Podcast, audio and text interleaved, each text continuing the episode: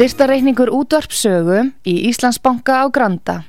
Útubú 513, höfubók 26, reikningur 2.11.11. Nánari upplýsingar á útvarpsaga.is. Takk fyrir stöðningin.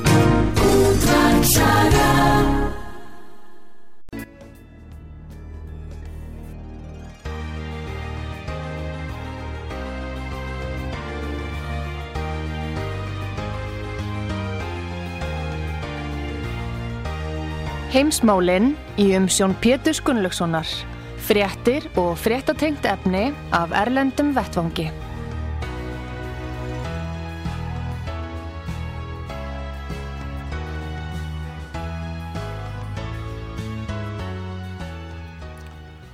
Góðir eh, hlustendur, þið er að hlusta á útvart sögu. Ég heiti Pétur Gunnlaugsson og ég ætla að ræða meðan Gustaf Skúlason, okkar mann í Svíþjóð. Sæl og blessaði Gustaf.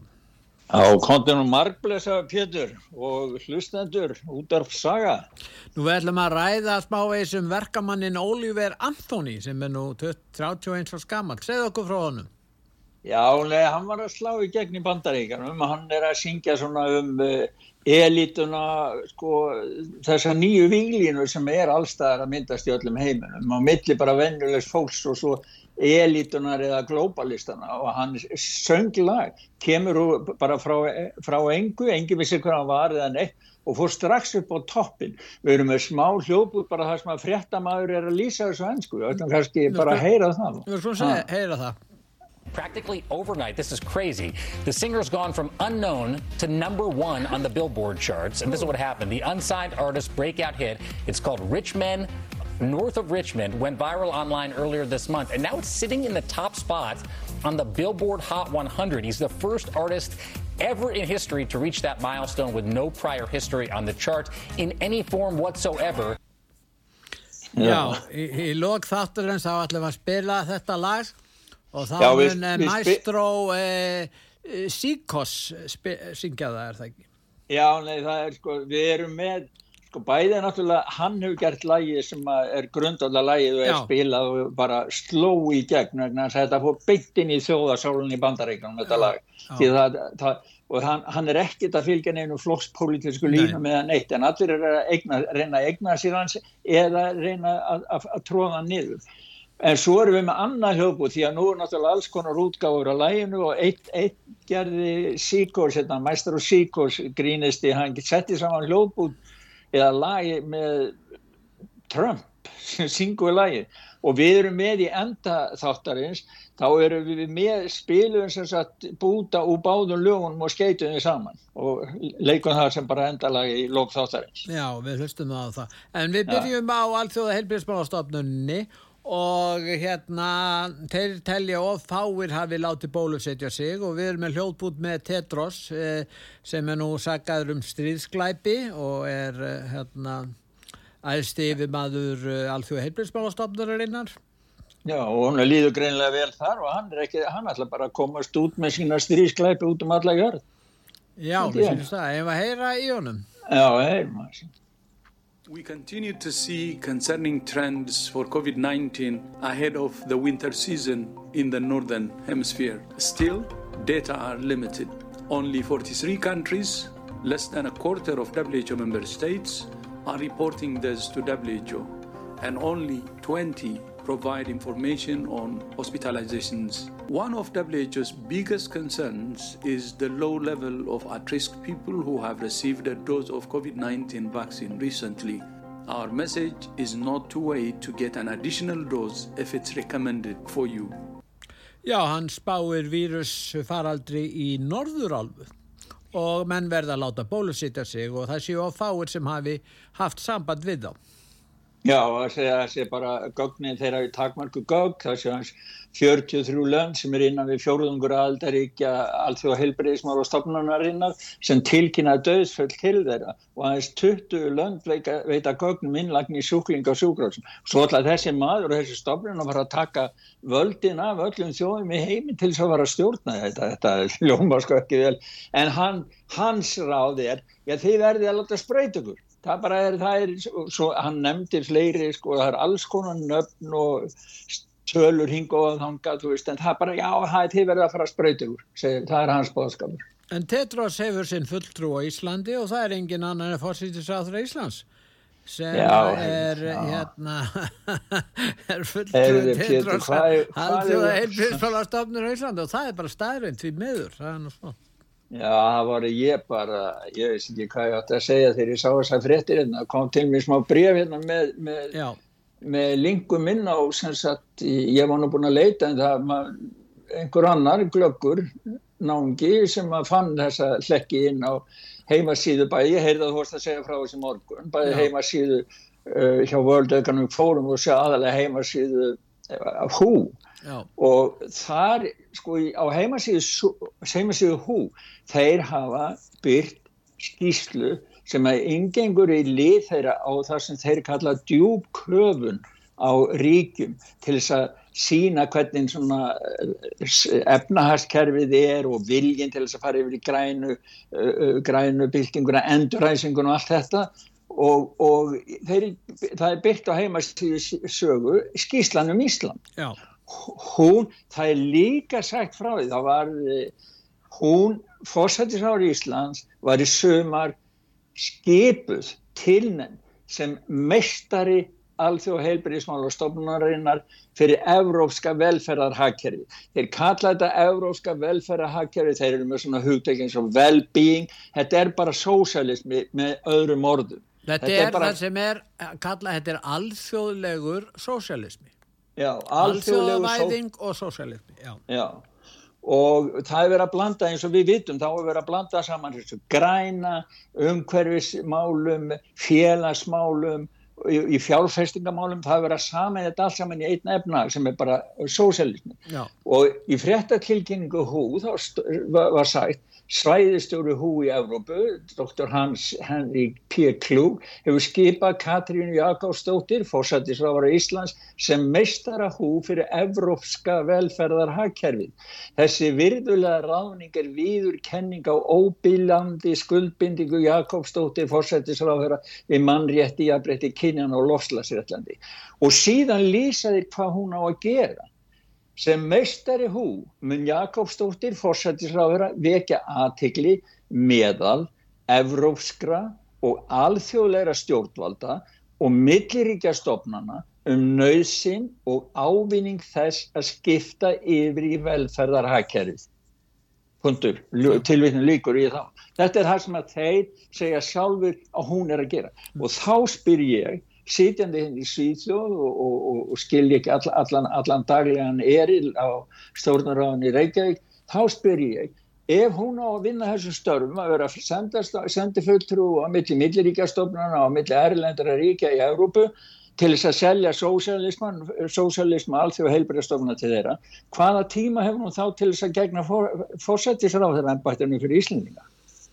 Já, hún alltaf er með marga starfsmenn hann upp í, í ráðneitunni hjá sér. Það hefur ekki tekist að byggja við húsið, það hefur kostað samt og hefur ekkert verið reysnitt hús. Þá er halvu miljardur farið í þetta strax, ég finna... Já, hvað, eiga þá allir þessi starfsmenn bara að vera útilíkjarar í betur eða hvað? Þetta er bara brakka verð á því sem komið er? Hún átt að byggja þarna brakka þarna bara bakvið. Já, ekki, en það sem þú vart að minnast á þetta þá er þetta Evrópusambandið. Þeir ráðleggja að eh, fólki að taka þessa mRNA spröytu og ekki bara fullorðið fólk heldur börn jafnvel frá 6 mánað aldri. Og eh, Evrópusambandið er að rekka sömu stefnu eins og Tetros og, og fórsýttisráður Íslands í þessum málum. Og hérna og uh, það eru líka sem betur fer til uh, fræðumenn á þessu sviði menn eins og Brett Weinstein professor uh, í þróunafræðum hann, hann hérna hann hvetur fólk til að taka ekki þessa mRNA sprautun og alls ekki að börntaki þetta, alls ekki. Já, þetta er alveg, alveg svakalegt og þeir eru að fara, það er bara ný herfrað, síjar eru sænska ríkisöldin var að kaupa hérna, eða peningum í að kaupa ennþá meira og þeir eru undirbúin ný lög hérna í Svíþjóð fyrir sem eiga skilda einstaklinga til að forðast að smita aðra. Þannig að þetta er eitthvað voðalega grunnsanlega sem er í gangi sem ég held að sé að, að fólki á banna, sko fólk sem ekki bólusett að þeir vilja fá stjórn á því að það með ekki ferðast og svoleiðis en, en Hefur við ekki að heyra hvað eins og Brett Vanstan segir já, og heyra já. hvað hann segir og síðan hérna og, og hvernig þetta kemur út því að það er sem betur fyrir eins og ég segi einhverjir sem eru að berja skegg þessari stefnu. Já, við skulum hlusta á hann. The idea that the spike protein is the fundamental problem with the mRNA vaccines would rescue that platform from a much more fundamental problem, which will accompany any vaccine you attempt to create on it. The fact that there is no targeting of those mRNAs so that they can land in any cell means that every time you attempt to vaccinate somebody with that technology, you are inviting an autoimmune attack on the tissue that happens to pick up the lipid nanoparticle. Once we knew that the vaccine circulated around the body, it should be clear to anyone who understands how immunity develops that this is going to cause an autoimmune disorder in any tissue that transcribes it. And if that tissue happens to be your heart, it's going to be a devastating problem.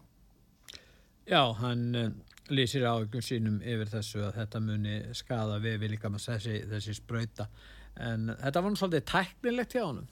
Já, þetta er náttúrulega læknisfræðilegar útskýringar. Hann er sko að útskýra munin að sko hann segir að allt mRNA, þetta sé ekki bara sem sagt gata próteinin heldur sjálfur grunnurinn í uppbyggingu á mRNA tækninni mm. sem að sko það sé bara tilvílum há, þetta berist með blóðinu út í vefi þetta, þeir, þetta mRNA það umritar vefin en það er tilvílum há og hjá, við höfum fengið svo margar uh, frásagnir frá fólki sem hefur dáið íþróttamenn og aðri bara uh, fullfrýst fólk fengið hjartavöðubólgu og hjartavöðu stoppað og alls konar hluti í sambandi við þetta. En hann, hann segir það sko þetta er svona svipa ráð, sko ekki taka sprautuna, það sé ekki bara læknisráð, hann segir það sko ef þið fyrir það til að vera örugum það að maður degi ekki að vera að taka neina séns. Þá má alls ekki taka neina sprautu korsar sem ekki er COVID eða neinu öðru sem inniheldur mRNA og hann segir þetta er ekki bara læknisráð heldur ráðlegging til að halda lífinu. Og það má bera það saman við viðvörun orðin ekki þykja salgæti frá ókunnum mm. sem eru, ekki eru ráðlingar um mataræði En, Þann... en sko það er alveg kemur fram að því frétti á okkur að hjarta skemmtir að völdum COVID þessar efna sem notið eru og menn hafi verið spröytaði fyrir út af COVID-19 eru mun algengari þessari hjarta skemmtir en áður hefur þekst og þannig er þetta rakið í þessari grein. Já, þessi frétt, hún, það fylgir enni nýger skísla sem var rannsakað þetta bara í fyrsta sem er gerð svona almenlega rannsókn á þessu og þá sláði tilbaka því að uh, Livja framleiðinni sögðu sko já þetta er nú allt í lagi því að einhverju verða eitthvað veikið það er nú einhverja svona og kannski einn af 666 já. sem fá, fá eitthvað og Og, og, og svo framveg sko þeir, þeir gerði svo lítið úr þessu. Já. en núna sko málið er það að það er svo lítið rannsakað. Við vitum allt og lítið um þetta ennþá. En þessi rannsók hún staðfestir það að það er einn af hverjum 35 einstaklingum nú er að lesa þetta hérna á skerminu sem fótt að rétt eh, einn af hverjum 35 einstaklingum sem eru getur leytið dauða í alltaf einum af hverjum 35 einstaklum og það er nú svolítið annað heldur en einum af hverjum 166 sem að þeir heldur fram áður. Og síðan kannski breytist þessi tala þegar að vera fram, framkvæmdara en þá fleiri rannsóknir. Skýrslan um þessar rannsókn hún er á heimasíð Já, já, en það er líka annar hérna, David Martin sem hefur nú fjallað mjög mikið um þetta, hann telur að uppalega að þá hafi nú þessi, þessi, þetta, þessi efni sem hafi verið þróuð verið hlut af áallun um siklavopp. Já, það er, hann er, sko, hann, hann er, er á ferð á fæti núna hann, hann ferðast um heiminn með ráðstöfnahöld undir nafninu staðreindin að tala. Og það er einn ángi á Íslandi Petur Yngvi Leosson sem að þýðir og fylgist mjög vel með þessu. Hann með einhverja síður sem heitir Almanadómur og, og hann þýðir mikið af þessu og fylgist mjög vel með þessu. Þannig að við lánum svolítið frá honum á, fyrir heimasíðun okkar. Og, og eh, en, en eh, David Martin er einn af þeim hörðustu í heiminum. Því að hann segir þetta sé bara, hann segir þetta glæpur gegn mannkinni, hann, hann, hann segir það bara hreint út. Mm. og svo er hann, er hann harðið gegn því núna sko að segja það að núna er verið að tellja fólki frúum. Vegum að láta eins og sko, sko það verið að tellja þeim yfirvöldum trú, trúum og þeir eiga að haga sér eins og COVID-tilvöldum farið fjölgandi eins og við vorum að hlusta á Tedros hjá Hú og e, það sé okkur fyrir bestu að, fá, láta spröyt okkur eins og við vorum að hlusta á hann og við vorum að lesa um að, að, að yfirvöld eru ennþá að ráleika og það eigi að fara að nota grímur aftur. En ráðið sem hann gefur það er bara og fleiri, Trump og fleiri gefa, það er bara nei. Við gerum ekki neitt af þessu. Tökum ekki spröytunar, notum ekki grímunar erum ekki það einágra okkur eða neitt. Þannig að við bara höld, tökum okkar lítið tilbaka aftur venjulegt fólk og látum þessa, þessa aðila sem að geta sem að eru að hræra með hlutinu svona eins og þeirra hefur að gera að búið að ljúa svo mikið á okkur. Þessar spröytur okkur var sagt að þetta þetta komið veg fyrir sútum og komið veg fyrir smitt núna á að fara að koma að lögum um það að við um að byrja ábyrða því að smitt ekki aðra. Ég meina þetta er, þetta er sko þetta er bara allt komið í tóma, tóma vittlesin Já og svo er náttúrulega ríkisvíð í Evrópa eins og Svíþjóð sem er að kaupa bólu efni í stórun stíl og síðan er verið á að leggja á einhverja lagalega hvað, hvaðir eins og þú bendur á. Þannig að kannski stemt að því að þar sem að fólk vil ekki láta bólusetja sig eða taka þessi bólefni þegar að eh, ef, ef að þessi vírus verður aftur að eh, útbreytur að þá verði bara menn skildaði til þess, ekki bara færðir út í grímsei og bólusetti þar, heldur bara reynilega verði það lagaleg skilda og, og löglan geti haft bein afskipti af friðhelgi einstaklingsins út af þessum málum sem segja að það sé nöðsilegt af helsufarslegum ástæð. Já, hvert eru við komin þá, Pétur? Já, þá við erum komin á, já. já. já. Þá, það, það er bara, eh, sko, ógnar stjórn, allra í stjórn. Það sem maður ma, ma ræður ekki yfir neinu á lífinu lengur sjálfur. Maður ræður ekki einu sem yfir líkamann. Og síðan gætu þessar stjórnir, þó það væri engin vírus, alltaf sagt það er vírus, það þarf já, að gera þetta, já. það þarf já. að loka, það má ekki gera þetta, það má ekki halda fundi, það verður að reytskoða fréttir og svo framvist. Þannig að þeir eru komnir þarna með sko aðferð og aðferðafræði til að tryggja allræði sem þeir kalla líðræði af því þeir mynda að kalla það líðræði og í þái fólksins, þú veist hvernig það er. Já, já sem betur fyrir þá til dæmis hérna e, lækna hérna, upprópið hérna í, í Svíþjóð þeir, þeir mótmæla þessu og það er núna vegna, vegna þess að allþjóð heilbæriðismálastofnunum hú er að koma á allræði, allar að taka, það bara valda rán sem skeiði núna bara innan komandi vikna að, að þá veru hérna fyrsta oktober þá verða búið að búa til mikil mótmæla hérna í Stokkonsborg sko gegn því að, að, að Svíþjóð fari með í hú eða, eða fylg, fylgi þess að þetta veri tekið og það er krafan um það að Svíþjóð bara gangi úr, segið sér frá þessu. Þannig að það er sko fleiri og fleiri er að koma fram sem að, að samþykja ekki að láta fara svona með sig eins og þessu öll er að reyna, er að, reyna að gera við okkur. En það er á fleiri sviðum þar sem einstaklingurinn á í vöka verjast. Európa-sambandið ætlar að gera séregnar fyrirkomulæð í húsegnamál, uh, fastegnamálum og íbúðarkaupum erfiðari vegna þess að það á að innleiða reglur um það að sá sem á fastegn verður að eigða stórfje út af lofslagsbreytingum á mannavöldum og það er talað um það að venjulegu kostnæður á íbúð uh, misjamt antlega en svona meðal, meðal kostnæður verði 6 miljón á hverja íbúð. Og þannig að það þýðir það að að verulega stór hluti þeirra sem eiga íbúði núna get ekki haldið þeim og missa þeir á markað. Svona eins og strákurinn hérna á Reykjanesunni þessi pólski, ég meina hann gæti ekki ráð við fastegnugjöld en vissi ekki á þeim reyndar. En hér í þessu tilfell erum við að tala um, um sko svona gjöld sem að, sem að, að stórir hópar ráða enga vegi við.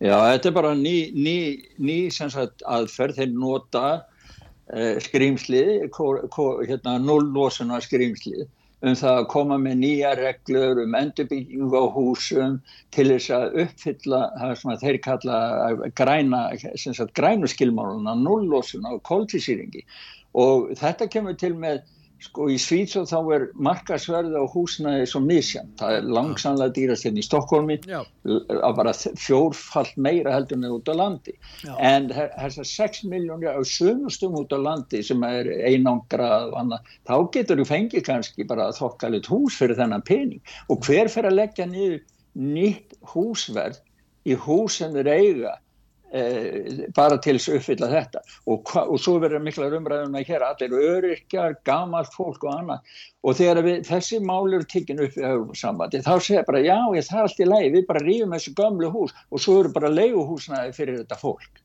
Þeir eru að gera fólk, þetta liður í því að gera fólk eignalust og og hérna Þetta heitir alþjóðlegur sósialismi og Evrópusambandi gegnir því hlutverki að koma á alþjóðlegum sósialismi í Evrópu þar sem flestir verða að fá bara leia íbúðir og hverju allir eigi þau leigufélag þetta verða einhver fastegnafélag í góðum tengslu við ríkjum það eru stórfyrirtæk, það eru alþjóðlega risar sem eiga þetta, það eru BlackRock. Þeir, þeir eru komnir inn í lífurs þeir eru að dobla, syndla peningum og lífur í sjóðum bæði bandaríkjanum og já, já. koma hinga og þú veist og þeir byggja íbúið sem þeir leigja útskilu eða mm. kaupa þetta. Það nákvæmlega þetta sama og þeir nota alþjóð gjaldirisjóðin og, og, og þessar stóru sjóði alþjóð bankan og fleiri til þess að lána peninga til, til landa sem er í kröggum og þá verða skilmáðunir að þeir verða að selja út ríkisægur á, á slikt prís og svo koma stóru kallandir og kaupa ja. á slikt prís og eiga ja. allt saman. Þetta er nákvæmlega það saman. Já, þeir eiga náttúrulega í því sjálfur stjórnmálamenndi líka sjálfsög. Já, þeir fór borga fyrir. Nei, þeir, þeir, þeir, þeir bregnast í þessum egnum og fá svona arða af því og það, þannig er þetta hugsað, þetta er svona, þeir vinna saman stjórnmálamennir og hérna stór, stór hérna uh, samtök kaupsíslumanna.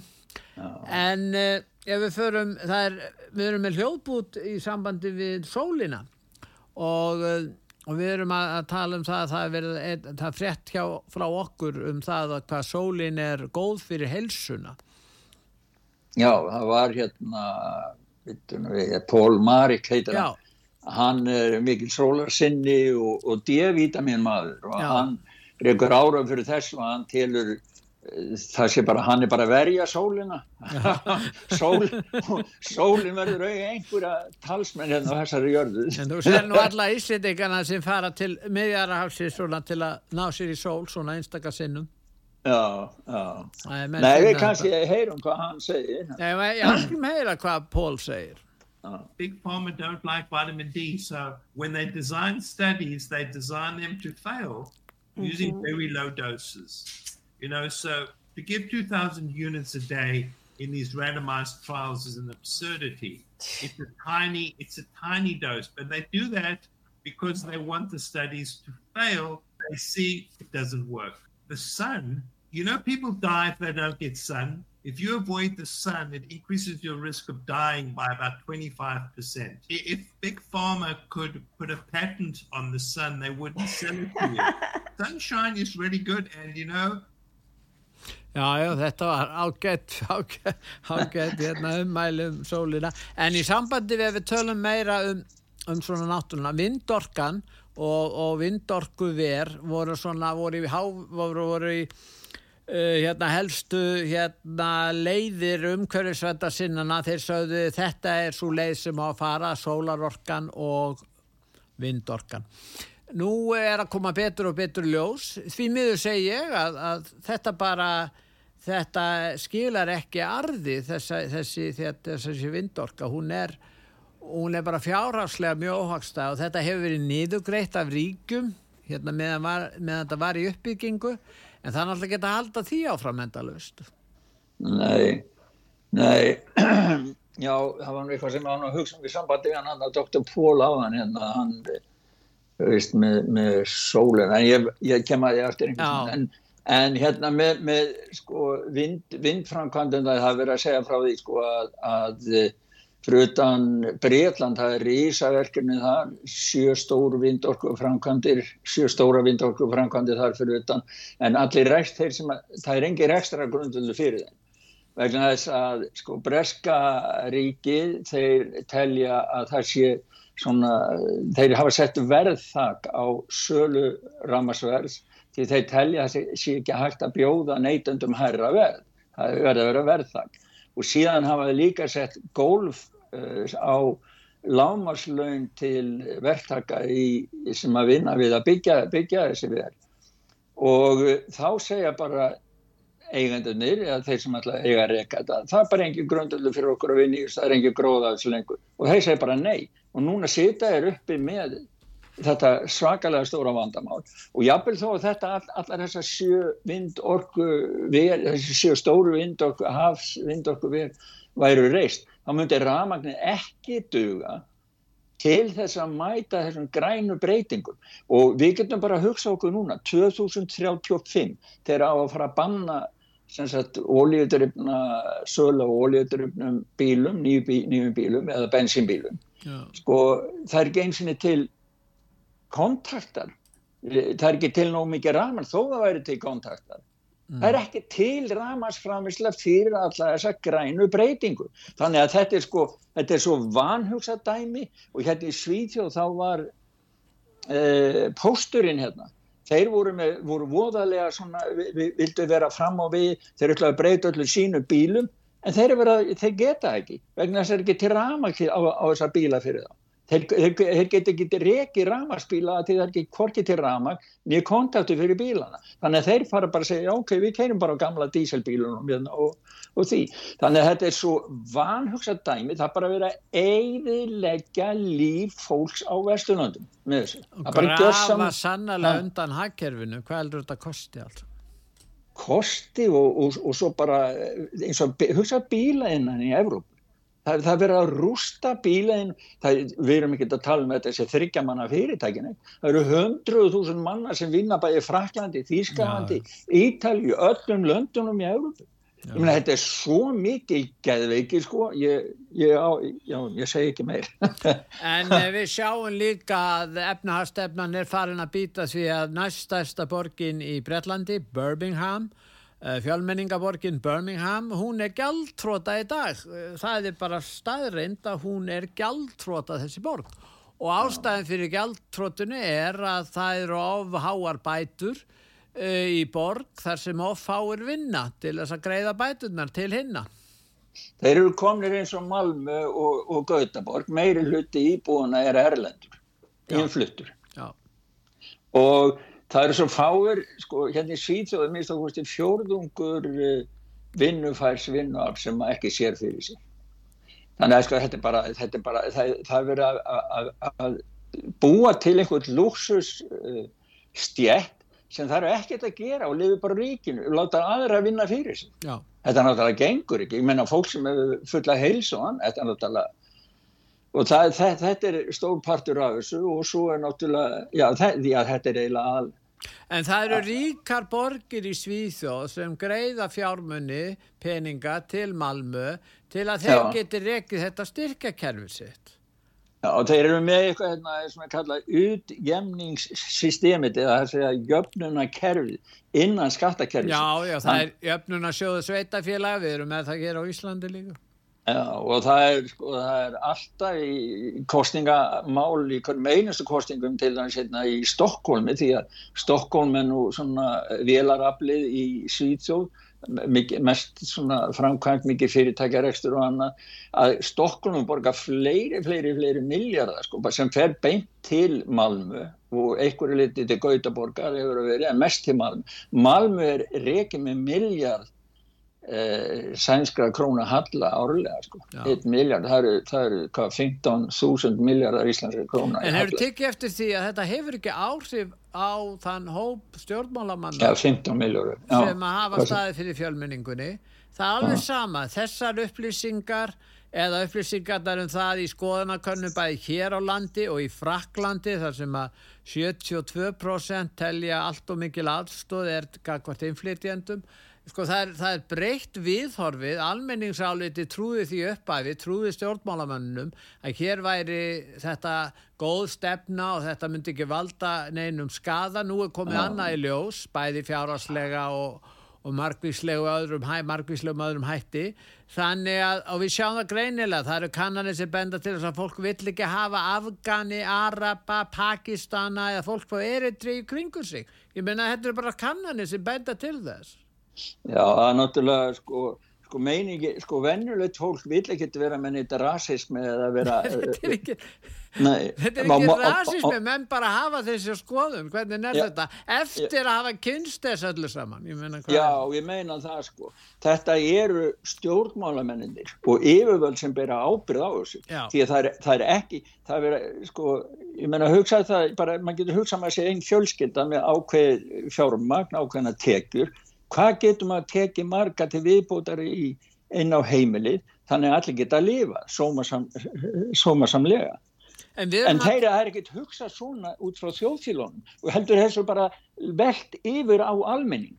En við erum að tala um könnun sem gerð var og niðurstu var svo að vestarreynslan var að afgönnum, arabum, pakistunum þetta er ný könnun.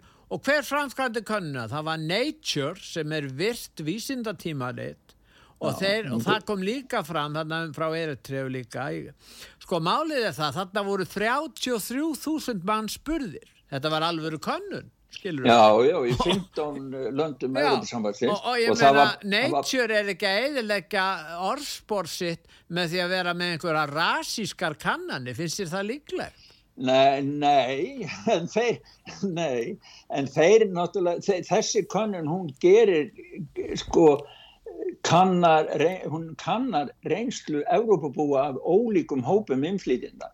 Þeir eru, þeir eru sjálfsagt kannski að aðtöða hvort það sé rasismi, skilur en, en með tilliti til þjóðverðnis kynst trúa bara að starfa og, og sögu hælisleitanda. Þetta er gríðarlega umfórsmikið könnun og, og, og lengur inn á hann og heima við sögu og ég er náttúrulega ekki geta kynnt mér hann að alla, skilur, þú maður að geta sagt fréttur á þessu. En, en það er aðtiklisvert, Gustaf, að Já. til að svara þessu öllu sem við höfum verið að tala um hvort sem það er Birmingham skoðanir í Fraklandi, í Nature eða hér á Íslandi þá er svarið á einn veg hjá.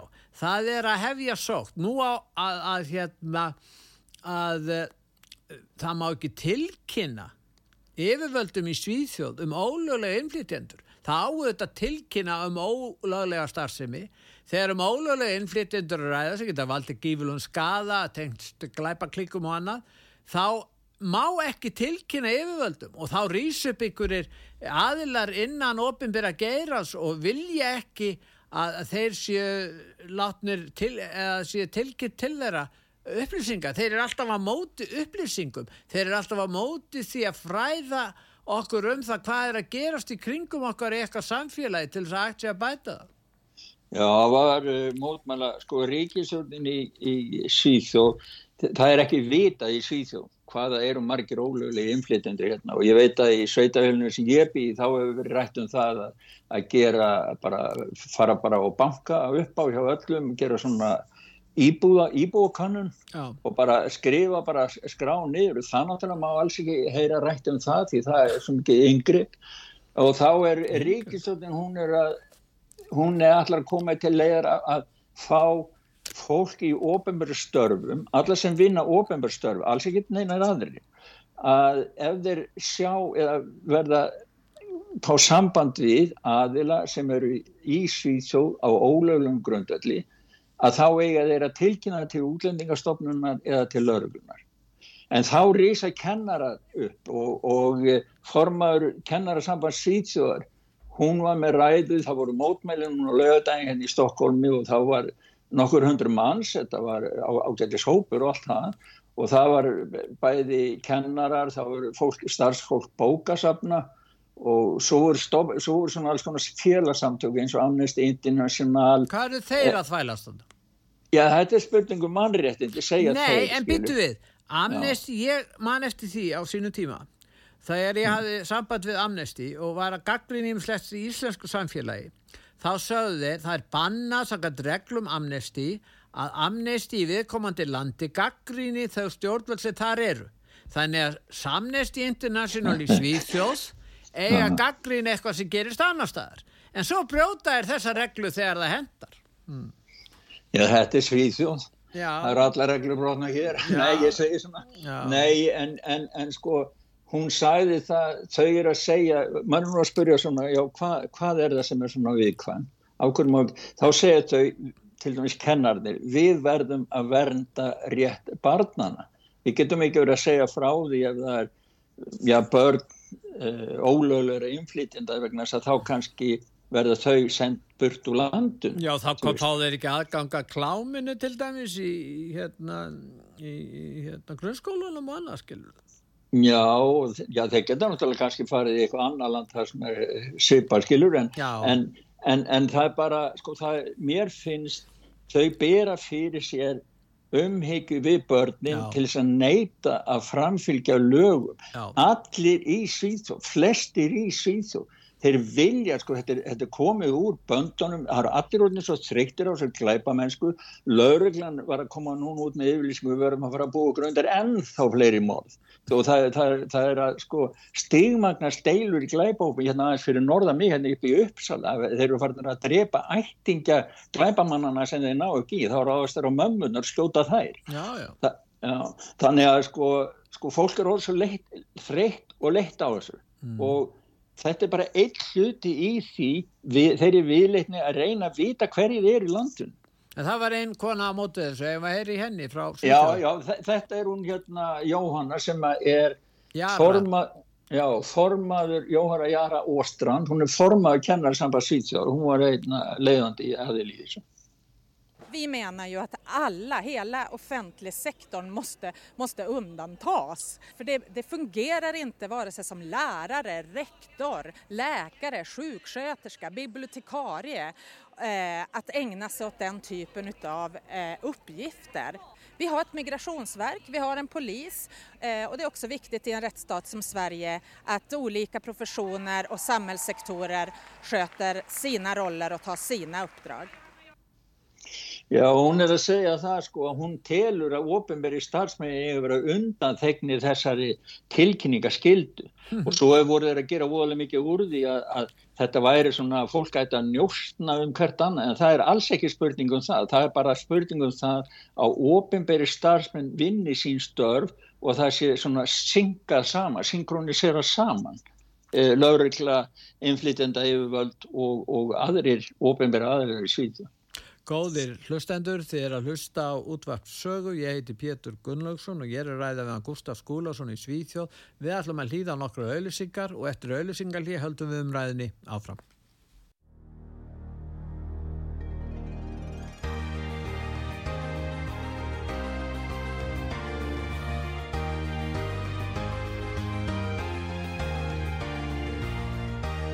Heimsmálinn í umsjón Pétur Gunnlaugssonar. Fréttir og fréttatengt efni af Erlendum Vettvangi.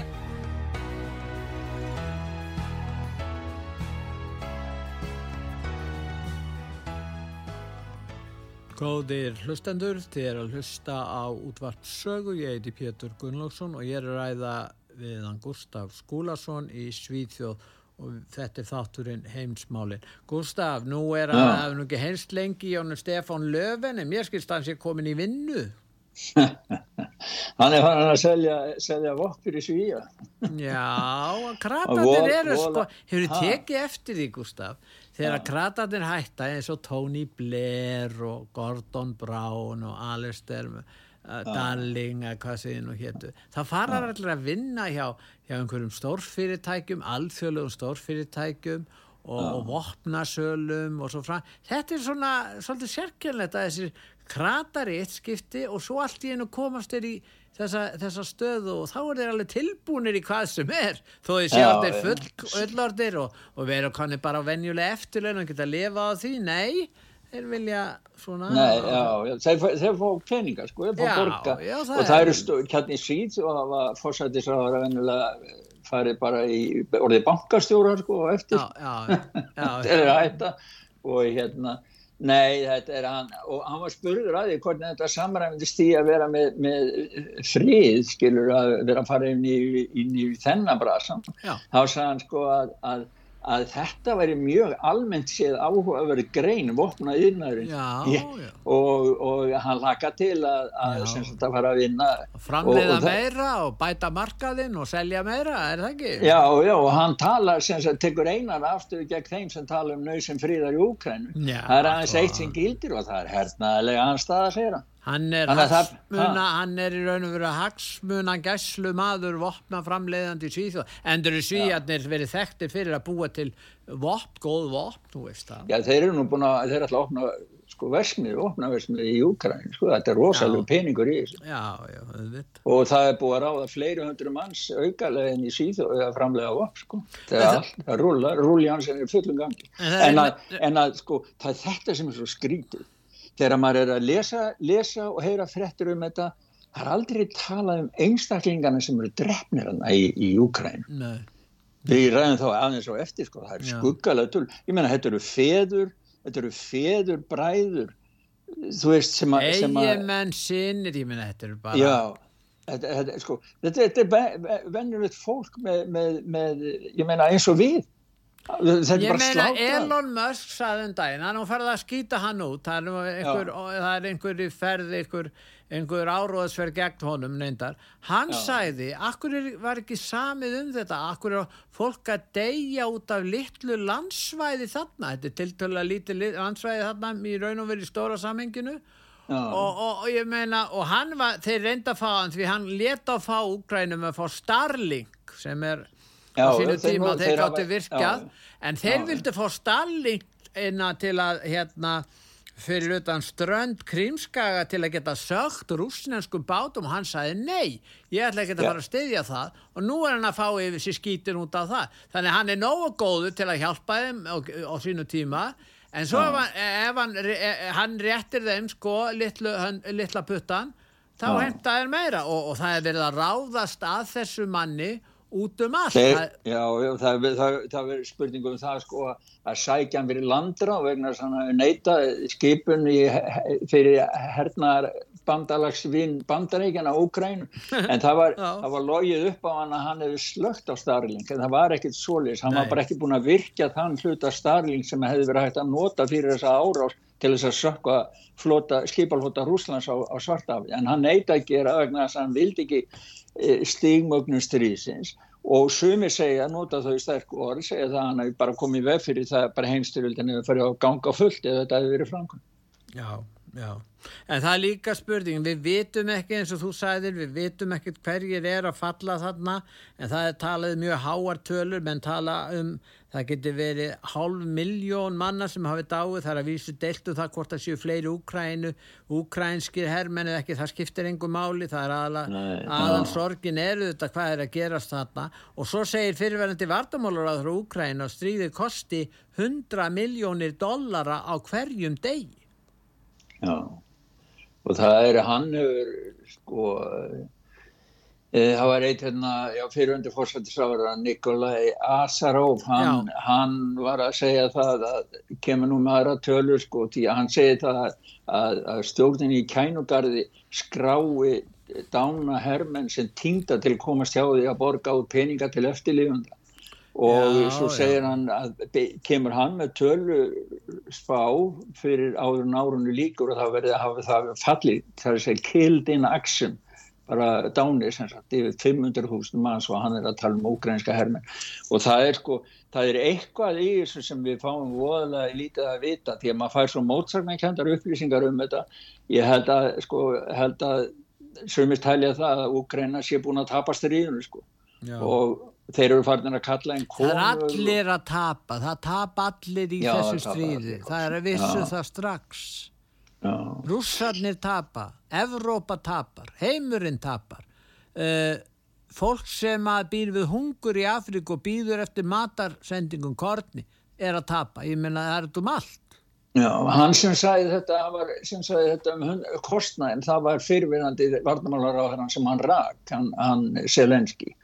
Hann, hann uh, sendi afsagnarbeginni sína til þingsins núna nýlega en hann var í viðtali við eitthvað blað og, og var að lýsa þessu hvað þetta kosta og svo var hann að segja það sem allir vita náttúrulega að peningarnir fari meira en bara vopn og stríð því að það þarf að, það þarf að reyka skóla, það þarf að reyka sjúkrás, það er svo margt annað sem er í gangi líka, það þarf að reyka samfélag og þannig að hann talaði bara mjög skynsalega á hans. En mér fannst ótrúld að hlusta á bætinningar þegar hann var í, í hérna, Hanoi í, í Vietnam og Já. hann sagði hreinlega að mesta hættan ógrunin sem stafar að heiminum það eru lofslagsbreytingar af mannavöldum ekki kjartungustrýð. Hann vil freka fá kjartungustrýð heldur en það að hittast í hækkar um 1% eða 1,5%. Getur, ég, ég skrifaði frétt, ég held að það sé meira en ár síðan hún byrtist á, eða tvö ár síðan hún byrtist á heimasíðu sögu frá Atlantic Council Já. og við höfum rætta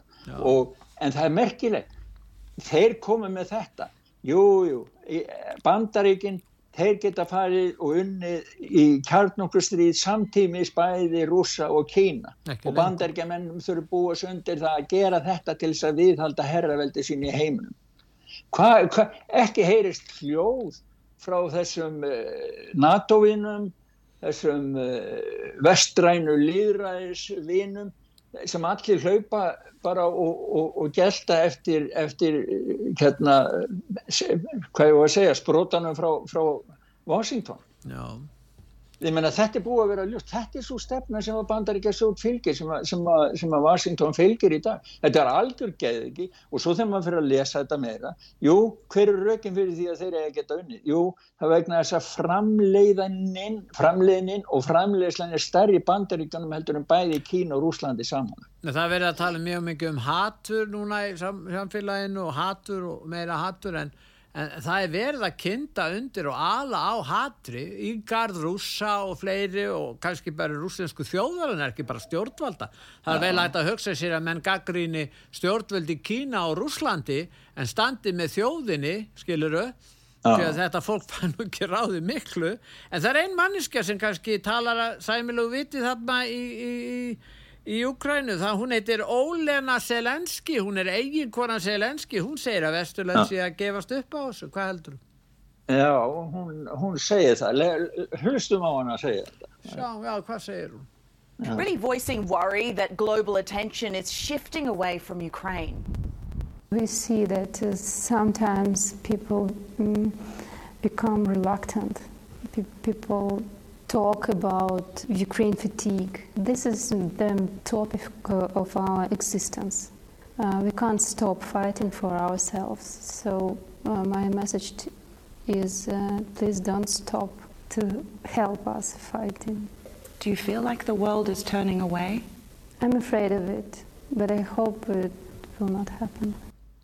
Já, hún er hættu um það að, að, að stunningsmenn Úkrænu dræði sér í hlýja Hún talaði um Ukraine fatigue eða svona eitthvað svona Ukraínu þreita. Hvað segir þú þetta? Já, ég, sko, það sem ég get sagt um þetta það er það að peningarnir sem búið að vesturvöldin hafa dælt inn í Ukraínu no. samsvarar mei, mun meira en heilri þjóðaframleyslu síðþjóðar mm. og þá, þá sko, eða, eða hérna ekki þjóðaframleyslu heldur hérna fjárlöfum síðþjóðar. Já það eru yfir 1500 miljardar eða hvort, hvort það er 150, 150 miljardar efru, ég man ekki alveg hvað það var mikið. Þetta er svo stjartfræðilega að hafa tölur. Já. en það er allavega miklu meira heldur um fjárlag síðþjóður á, á áskrundelli og hérna sko það, það, það, er svo margt fólk getur minna, það kemur mótsvarandi frá fólki í löndunum þegar við erum að ræna þau lífskjörum eins og núna hefur verið gert með í, í, á meginlandi Evrópu með Þískalandi, það er bara krepp allstað, það það er orkan aðalega sem er að gera og svo peningarnir sem fara í Úkræns þetta er náttúrulega vekur upp anstöðu fólks til þess að vera að taka þátt í þessu. Ég menna ákvöru ákvöru eiga til dæmis ákvöru eru bandaríkjaman yfirleitt að skipta sér af þessu.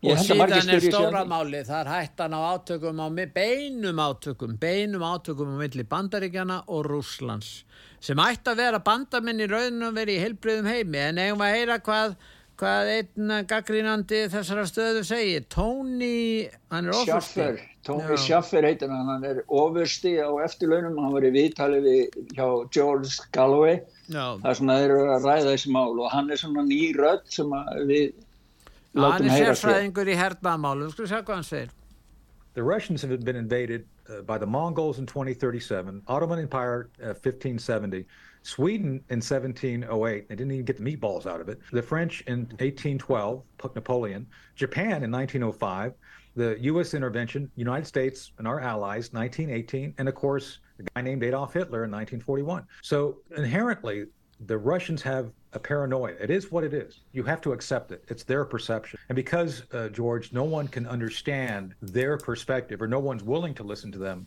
yeah, I think it's very possible that the West is going to continue to be tone deaf.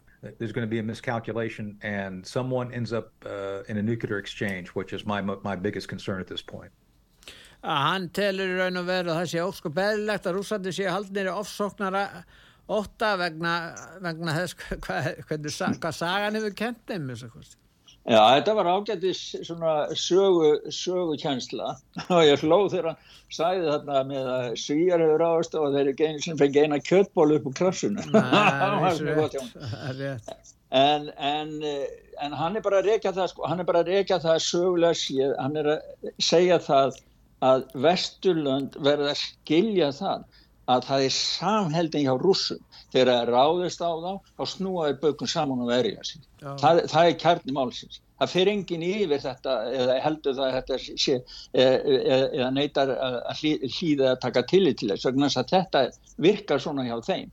En á Vesturlöndum, já, já, við förum þetta inn og, og, og svo eru margir að tala um, jú, jú, það er kjarnfússprengur eru voðalega litlar og meðfærilegir í dag, þetta hafa bara einni mjólkuferðni já, já, við getum farið, prófa svona taktísk kjarnfús, en rússar hafa sagt allan tíman ef að við upplifum að sé vera að ógna okkar lífum, lífi og ríki, þá munum við nota kjarnfús og kjarni, sko Vesturlöndin, þessi, þetta fólk hérna, hámentaða fólk í kvítahúsun og það, það er eins og þeir þykist ekkert vita hvaða kjarnorku og brúsar eru með.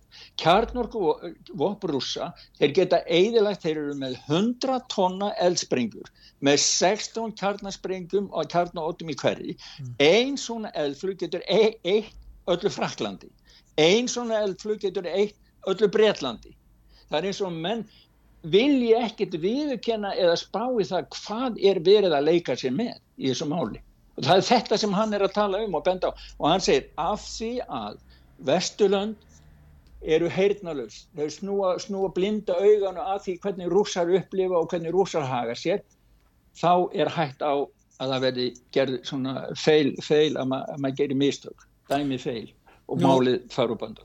Sóros heldur áfram að skipta sér að stjórnmálum eða fyrir til bandaríkjana og hann er hrættur um það að Trump verði fórseta efni republikana sem er neila mjög líklegt og þá ætlar hann að dæla peningum í vantalegi Kamila Harris og, og Biden og, og Kamila segist verið reyðbúin að verða fórsiti heldur hún verði góðu fórsiti hvað segir þú? ég veit ekki hvað Segð mér annan brandara.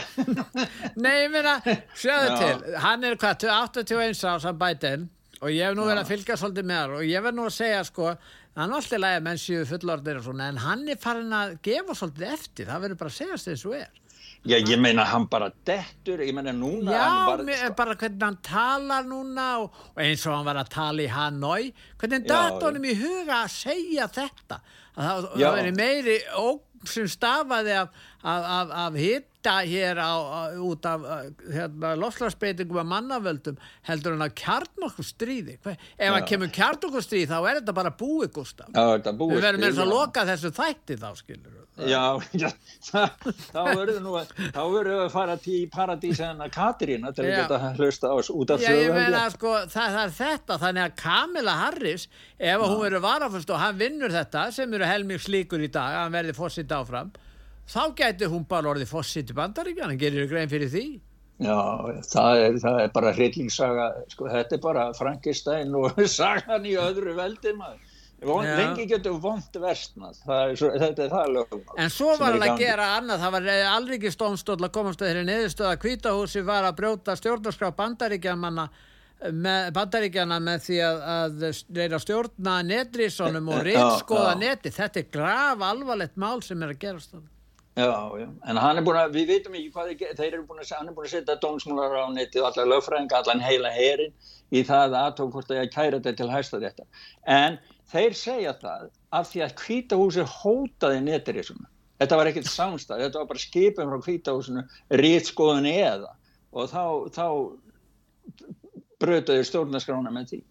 En heyrði því að tímin er að hlaupa frá okkur, við erum með smá hljóput frá hérna Ekki, ekki, við verðum að minnast með hann Elon Musk, hann er allar hóta málsókn og það er út af því að það eru samtökju bandaríkunum sem heita Anti-Defamation League Já. og ADL og þeir eru bara, bara fjármagnar til þess að leggja Elon Musk að velli, þeir eru að reyna að eidilegja fyrirtækin hans og svo framvis og Harvard líka er komið með, hérna er, er vestur allra skóli í málfrelsi sem er nú aðteglisvert og BlackRock er að reyna að eðilegja eða hefur eðilagt möguleika bandaríkjaman að egna sitt húsnæði og svo er það Trump, hann er á kostningabaratu í Iowa.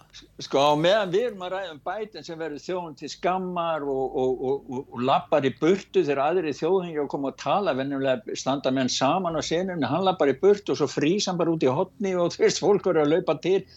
Sko, þannig að, að, að þá er Trump, hann er bara í góðan gýr og það er smá hljóputum með honum, ekki, ekki hann einnig ræðu heldur það sem hann var bara úti núna, það var tróðfullt það var annað sem var alltaf gott. Hann skrifaði, hann var í Iowa og hann skrifaði á svona rúbibólta og gaf rúbiliðinu þar, hann var að horfa á, á leikinn þeirra. Já. og svo kemur náttúrulega mynd, ég á eftir að setja hann út þar sem að hann er að kasta bóltanum þannig að hann kastaði þeim til það voru svo margir verið fram hann kastaði bóltana til áhóranda og síðan kemur hinmyndin þar sem að bætin fær bóltan í hausin og dættu killi flatur. Hann dætt flatur hann þegar hann var að afhenda verðlaun til Herman fótinn í teppi sko. það er alltaf verið að gera Ég var að hlusta á þennan hljóðbút með Trump.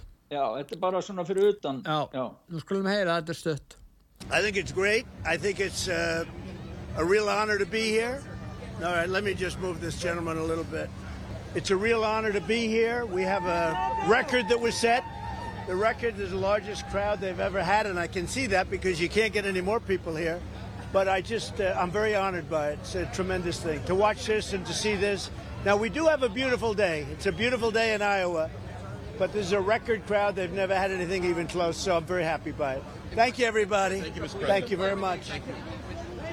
Já, en ef ekki þá að hlusta á lægið hans Oliver Santoni?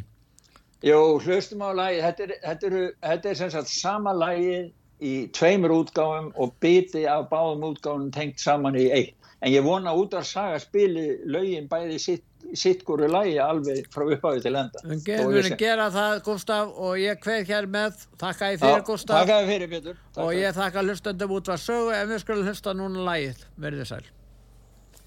I've been selling my soul, working all day, overtime hours for bullshit pay, so I can sit out here and waste my life away.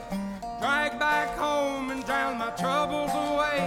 It's a damn shame what the world's gotten to for people like me, people like you. Wish I could just wake up and it not be true, but it is all it is, living in the new world.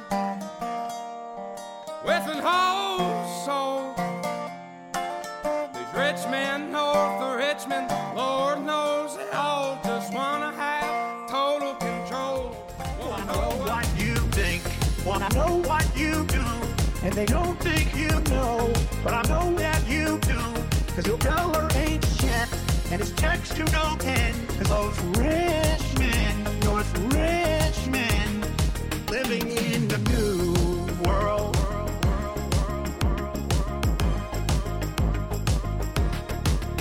With an old soul.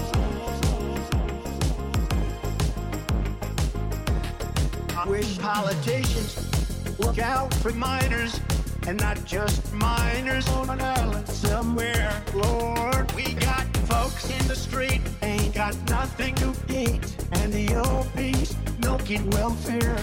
But got into five foot three and do 300 pounds taxes ought not to pay for your bags of much round. Young men are putting themselves six feet in the ground. Cause all this damn country does is keep on kicking them down. It's a damn shame what the world's gotten to for people like me and people like you. Wish I could just wake up and it not be true, but it is. All it is, living in